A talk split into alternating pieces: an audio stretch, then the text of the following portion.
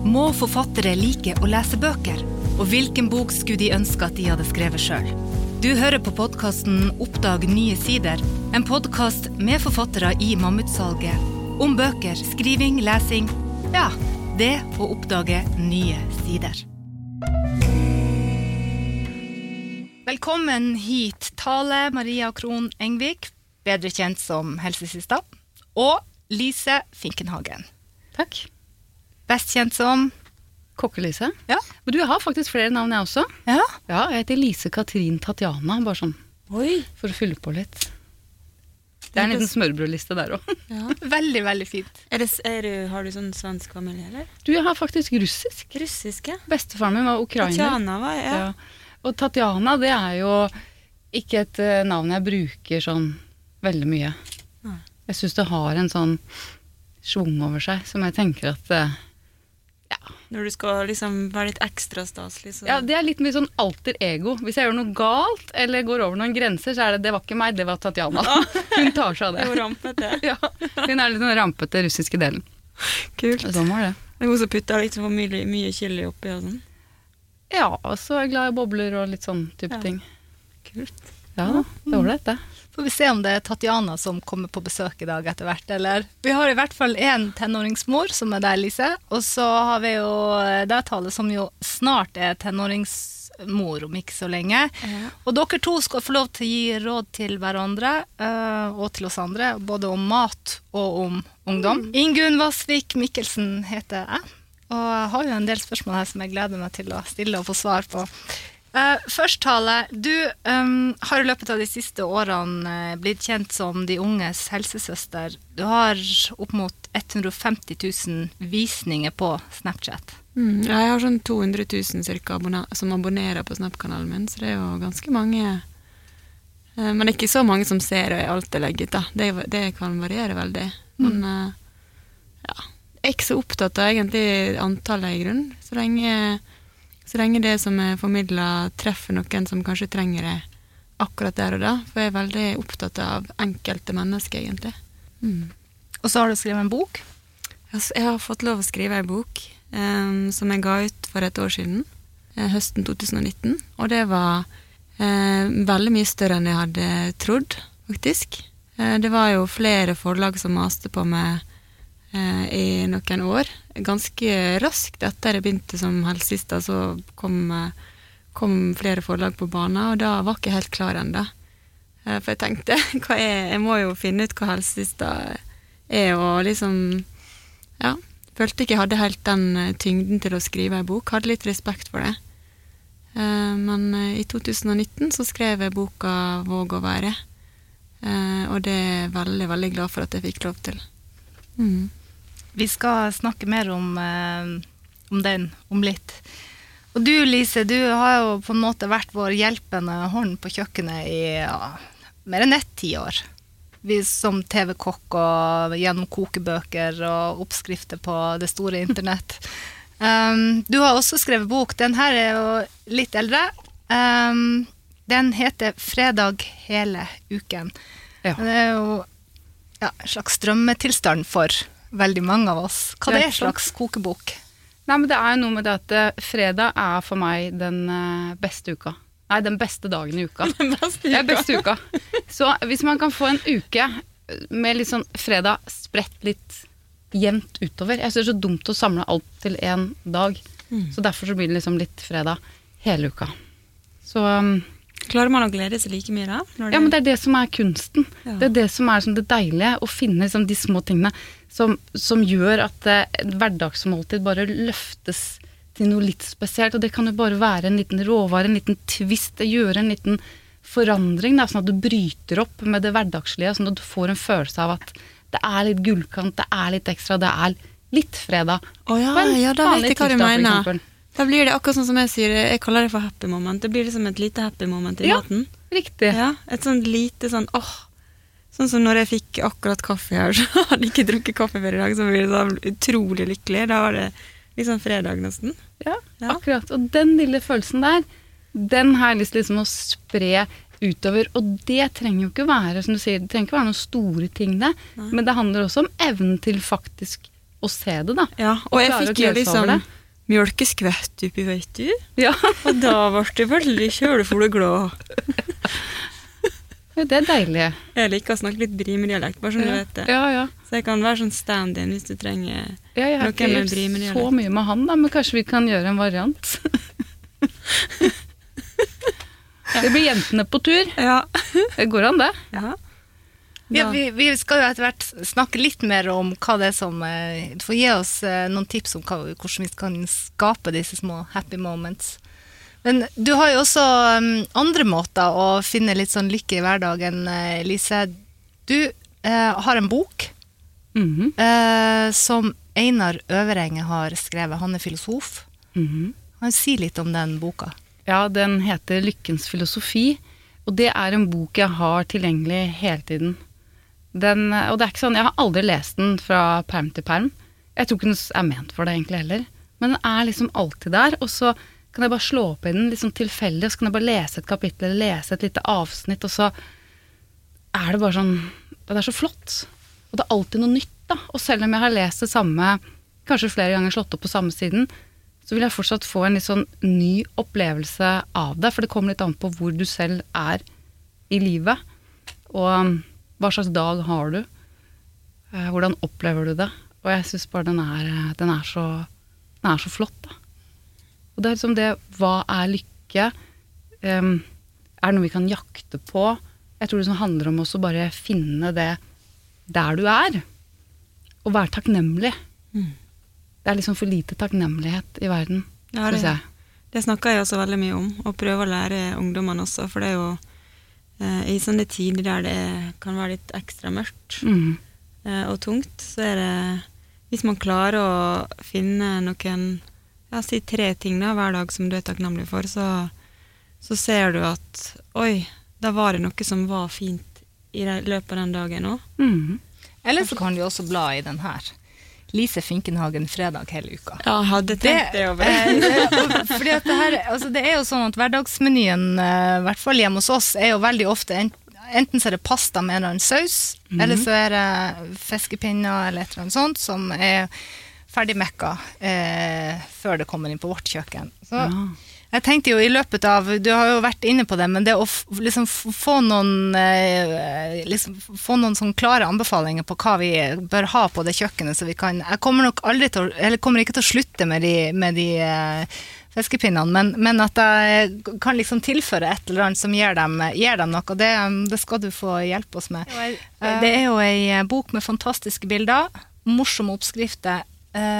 Hva ønsker du å formidle med den, da du laga den? Nei, det, det gikk jo på dette med å fordele disse uh, happy moments uh, litt utover hele uka. Og det at uh, et godt måltid er ikke nødvendigvis noe du må ha på en lørdag. Det kan du like gjerne ha på en tirsdag eller onsdag, og da er det kanskje enda deiligere. Enda viktigere og enda mer nødvendig å ha de her små gledene. Og jeg får jo masse glede gjennom mat. Det er mye følelser forbundet med, med mat. Det gode måltidet er viktig. Og kanskje ikke du klarer å få det til uh, uh, i en helg. Men ser du at uh, jo, på mandag så er det en mulighet, eller torsdag eller når det måtte være, så gjør du noe spesielt ut av det da. Derfor så bare blir det litt fredag hele uka. Og de, det er jo en haug av oppskrifter i den boka der. Jeg vet ikke, den er jo, Det er jo den største boka jeg har lagd noen gang. Det er jo en murstein. Jo rene bi Bibelen, det der. Eh, Så det er mye å ta av, og det er et eh, trøstens kapittel inni der også, for de som liker Det er veldig mye trøst i, i sukker og fett, dessverre. Skal kanskje ikke promotere det, men det er jo bare sånn det er. Så det er mye deilige kaker og desserter også, så det er eh, litt for enhver anledning. Måltidet, da, som jo, et, eh, som jo mat eh, blir sentrum for. eh, hva slags forhold har du til det? Ja, jeg syns jo at det er veldig, veldig viktig å samles. Og som jeg sier, det er ikke noe sånn at man får gjort det hele tiden hver eneste dag. Jeg får ikke gjort det med gutta mine heller. Men har du muligheten, så prøv. Og jeg er ikke oppvokst med det. Jeg er oppvokst med, i en familie hvor eh, spesielt faren min hadde et veldig trøblete forhold til mat og kropp. Eh, og det er noe jeg som alltid har savna. Det å kunne sitte en hel familie rundt måltid, at alle kan glede seg over det. At man kan prate, høre som hvordan har du det. Tenk deg alle problemer alle som er løst over et godt måltid. Det er, sånn, det er essensen her. Og så begynner man å så begynner man jo å prate. Når man setter seg ned sånn og begynner å spise, så er det jo et eller annet som skjer. Og det syns jeg er utrolig verdifullt. Hva du tenker om det tallet? Og hva, hva skriver ungdom til, til, deg om det? Jeg vet ikke om jeg snakka liksom spesifikt om måltidet sammen med dem før, men, eh, men, jeg tror jeg har sett noen tall på at liksom, eh, tida vi sitter sammen og spiser, den har blitt liksom kortere og kortere siste året. Fra mm. liksom bare ja, fra være elleve minutter i For noen år siden så er det sånn to minutter nå på middag, liksom. Eller det er liksom Jeg tror det handler om at vi har en eh, mye mer sånn hektisk hverdag, da. At det er veldig mange som skal til ulike fritidsaktiviteter fra de er ganske små. Um, og at det er liksom Den tida vi har sammen, den er, den er veldig kort. Men det som ungdommene har snakka med meg om, det er at de savner tid å snakke med foreldrene sine. Mm. Um, at, det, at liksom de voksne alltid sitter med skjermene sine og ikke hører etter når de prøver å fortelle ting, og at det liksom de savner å gjøre ting sammen med de voksne og snakke med dem, egentlig. Det er jo en helt annen måte å være sosial på mm. eh, nå enn det da vi vokste opp. Ja. Um, og ja. bare det, altså jeg, jeg, husker jo at jeg var jo alltid forelska i noen, og jeg drev jo og skrev kjærlighetsbrev og sendte over hele landet, og til og med til Sverige, som var, det var jeg var forelska i. Og drev og ringte liksom Vi hadde jo sånn tjukk telefonkatalog, så måtte finne nummeret liksom, til foreldra ja. til han jeg var forelska i. Og så måtte jeg ringe, og så var det kanskje faren som tok telefonen. 'Hallo?' Så bare 'Er han Erik der?' Eller en eller annen jeg var forelska i. Og så det var jo helt annerledes. ja. ja, det var jo det. Og nå er det sånn, nå sender han bare en snap, kanskje, eller sveiper litt på Tinder, og så Det er jo en helt mm. annen måte å være møtes på og ja. være sammen på sosialt sånn. sånn vi må jo kanskje Vi må liksom forstå at livet deres også er veldig mye digitalt, da, og i hvert fall mm. når det er korona og sånn, så er det jo ekstra mye. Så det mm. å vise interesse for det for hele livet deres, det tenker jeg er liksom viktig. Mm Å høre hvordan har de det der, liksom. For det er mange opplever mange kjipe ting der òg, liksom. Og det, ja. mm. det er vel kanskje det som er nøkkelen til, til din suksess som, eh, som helsesiste, at du har gått inn og, og, virkelig vist interesse og prøvd å forstå de unge på deres egen plattform. Um, og som jo også da har endt i, uh, i denne boka. Um, kan det se ut som Hva tror du er nøkkelen til at du har fått sånn, så god kontakt med de unge? Jo, jeg tror det. Jeg tror jo det er derfor liksom at eh, egentlig ganske tilfeldig begynte å bruke Snapchat for å i jobben min, da, for da var jeg helsesøster på fire videregående skoler, så skulle jeg jo bare bruke det ut til mine elever og si hvilke dager jeg kom på de ulike skolene og sånn, og så spredde det seg jo veldig fort til liksom hele landet når jeg ble Det var NRK Dagsrevyen som hadde en reportasje om at jeg nådde gutta på en annen måte. Um, og da ja, da, da tok jeg et ganske sånn raskt valg da, om å slutte i, i jobben min og liksom satse fullt ved å liksom være til stede sammen med dem på eh, Snapchat i hovedsak, også Instagram og Facebook, men der treffer jeg også mer voksne, da, foreldre deres eller andre fagpersoner og sånn. Så det er jo um, Det er jo en kombinasjon av liksom det å gå inn på deres um, plattformen med veldig mye sånn respekt og likeverd, da, føler jeg. At, at jeg vet at det er en fagperson som har masse kunnskap, og jeg har også veldig masse livserfaringer som jeg kan dele fra, men, men, det er like mye alt de lærer meg, da, som er formidla videre. At det er liksom deres stemme, og det er jo sånn jeg har også skrevet boka mi, at, uh, at den boka er ikke bare liksom fra mine tanker, som, som Jeg har skrevet den veldig mye for, bare sånn rett fra hodet mitt, men det er også veldig mye stemmen til ungdommene, samtaler jeg har hatt, snapper jeg har fått Um, ting som ungdom eller unge voksne har skrevet til meg, og liksom råd som de kommer med, eller tips, eller tanker som de har. Um, sånn at det, det å være ungdommene sin stemme er liksom noe av det viktigste med helsesøster. Eh, ut, i, ut i samfunnet, for det at eh, de har veldig mye å lære oss også om livet, som vi lett kan glemme, og, og at vi må også ta inn over oss at vi, vi kan ikke huske, eller vi kan ikke vite hvordan det var ung i dag, for det er veldig forskjellig, sånn som vi snakka litt om å være ung i dag som i forhold til for eh, 20-30 år siden, liksom. Hva slags kontakt har du, Lise, med dine lesere? Altså, hender det at folk skriver til deg? Ja, men det er jo ikke så aktivt, selvfølgelig. Det er jo ikke på den måten. Det blir mer at jeg får spørsmål om oppskrifter. Og det Som regel så er det hyggelig, men det kan også være folk som har eh, laget noe og ikke fått det til, og ikke har blitt akkurat sånn som det har vært på bildet, eller et eller annet sånt, og da så tar de kontakt. Og jeg prøver jo å svare, ikke sant. Det er jo sånn folk sender jo melding kanskje på julaften og står der med ribba si, og så, og så prøver jeg jo alltid å, å svare, og, selvfølgelig. Men um, det blir ikke det blir jo ikke helt på samme måte, da. Og det tenker for min del så er det greit.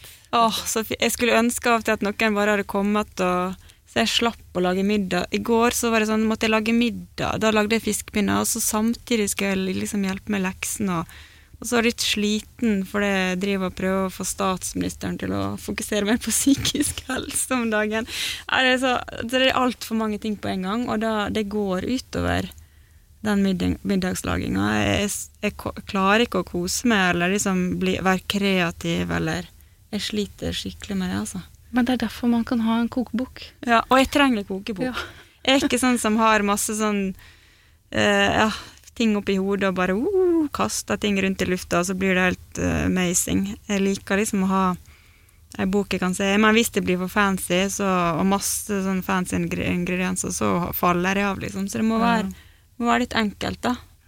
Uh, det må være liksom ja, ikke ta for lang tid, ikke være for komplisert. Nei, men så kan det, kanskje det kan være en dag hvor du har tid til det òg. Ja. Og det Ja. Men jeg, lik, jeg har jo ei mormor som, eh, som hadde gått på sånn eh, Og husmorskole. Husmorskole, Ja.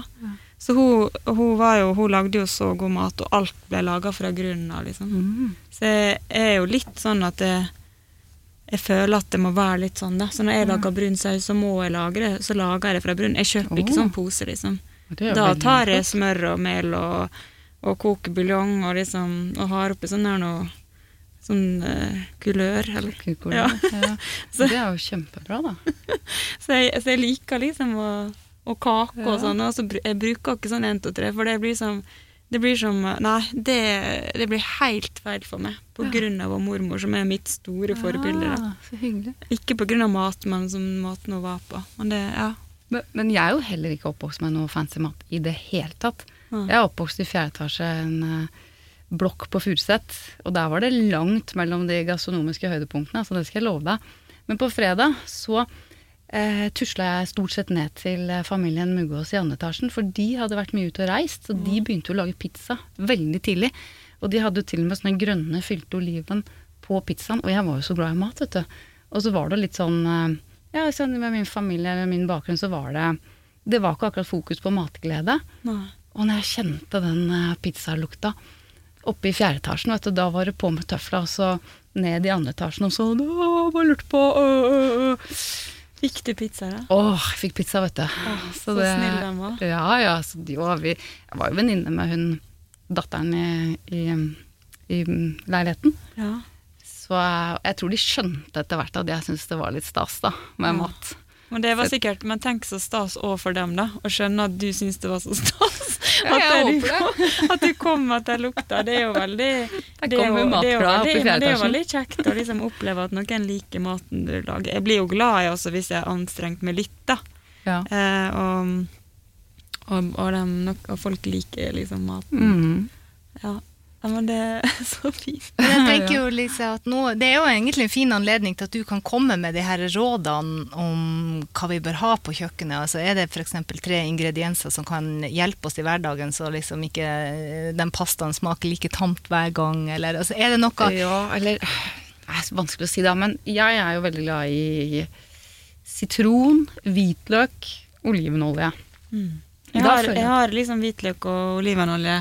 Ja. Sitron er ikke alltid så flink å. Nei, men sitron er liksom eh, Det er den store reddende kjøkkenengelen, altså. Okay. For der kan du Hvis du har olivenolje, Ja, eh, og du har litt hvitløk, ja, og så presser du litt sitron, så har du en nydelig dressing okay. med litt salt og pepper.